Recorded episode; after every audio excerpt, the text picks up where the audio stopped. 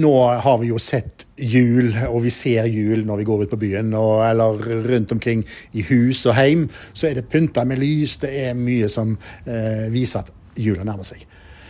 Men samtidig så eh, tenker jeg å ja, hva er jula? Hvordan hva kan gjøre den med oss? Kan vi legge til rette for at jula kan bli bedre? Å ja, det kan vi! For her i Region Vest har vi prøvd på det. Marta Ungleder, fortell. Ja, en av de tingene som vi har gjort, det er i hvert fall disse adventsleirene som vi har. Eh, og som har vært veldig populære lenge, egentlig. Eh, så nå har vi eh, flere leirer enn vi har hatt før. Og det er familieleirer.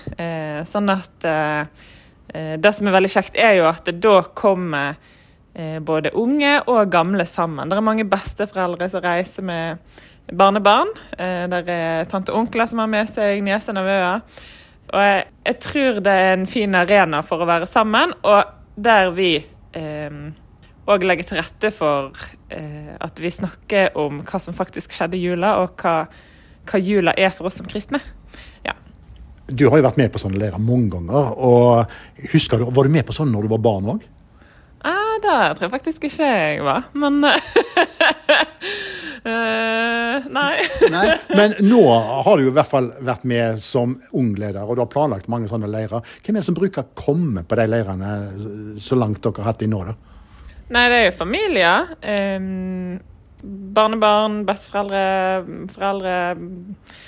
Og både folk som er vant til å reise på leir, men jeg tror òg at vi når ut til folk som Eh, kan være litt sånn kirkefremmede og ikke går så masse ellers i kristne sammenhenger, men som syns at det med jula ikke er så veldig skummelt, på en måte. Det er litt sånn lav terskel. Alle, alle eier jula litt. Eh, så det er kanskje lettere å invitere med seg naboer og, og venner som, som en ikke like lett får med seg på andre typer møter, da.